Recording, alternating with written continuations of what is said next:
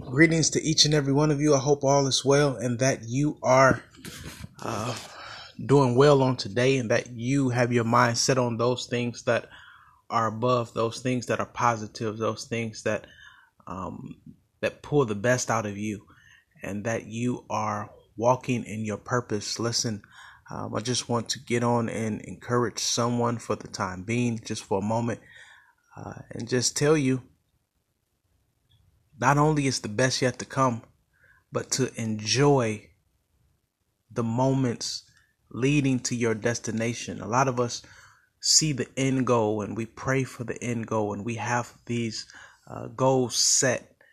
And a lot of times, those goals that are set, there are little moments that lead up to the bigger goal. And I just want to simply encourage you to appreciate uh, and and and not just take advantage, but just allow those small moments leading up to uh, the big moment. Just just appreciate them. I remember my academic advisor by the name of Renita Weems said, "It's not." about the destiny. It's about the journey that leads up to the destiny. And it's that while we're on this journey in life, we encounter so many great people and so many great moments. And uh, we we we we entertain these little moments.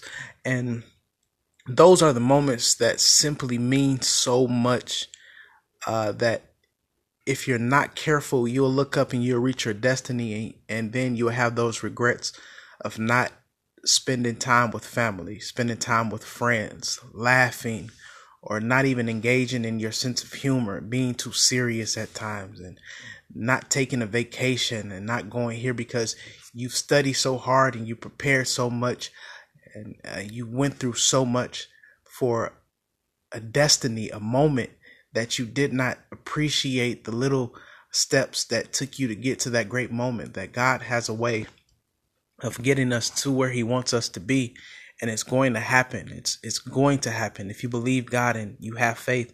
He's going to bring you to that moment, but yet still uh, those little small moments where you struggled and where you suffered, where you tried to, where if you were like a college student like me, it were days you you spent days where you wasn't going to eat eat too much and you didn't have the money to eat because you're a college student and all of your money is college students just don't have money um, but it is in those times and in those, those moments that you know you appreciate those little small moments where you had to carpool to get to here and there. You um, had those moments where you were trying to figure out how you were going to meet the deadline for this assignment. And and and it was just, just appreciate those little small moments man because those little small moments man they mean so much. They're significant. That's where your character is from. So we thank god for the mountaintops. What are the mountaintops? The mountaintops are those elevated moments, those moments where you're uh, promoted, those moments where you're high, those moments where you you're you're on a high moment in life. You're you've reached uh, the pinnacle of your goals. You you you've reached this uh, monumentous uh, endeavor. Um, but the valleys are those low moments. So we appreciate God for the high moments. We thank God that we are able to accomplish and do it exceedingly well and to do great and excellent. We, we, we thank God for those moments. But the valleys are the moments where you build the character. It is those moments of life where you lose people that you never thought you would have lost, and you have those human moments of grief and struggle. Uh, th- those moments in life where I don't know, car repossessed or lights get cut off, or you have those moments where you struggle in the valley.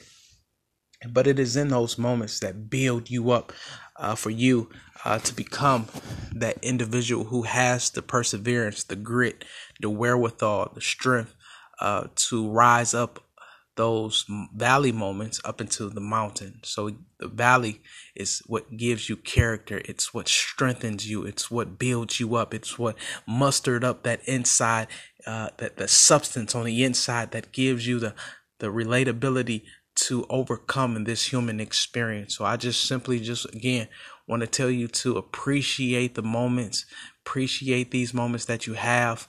Um, don't take life so serious that you can't crack a smile, that you can't um, greet each and everybody you come in contact with. I'm saying you're not going to talk to everybody that you come in contact with, but don't look over people trying to get to some grandiose moment.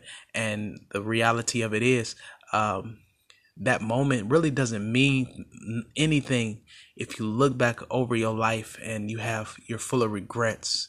You're lonely. You don't have anybody you can call on anybody you can talk to. So i just simply want to tell you uh, embrace the moment cherish life appreciate family and loved ones. If you can reconcile relationships um, and just love on people. All right peace. Be still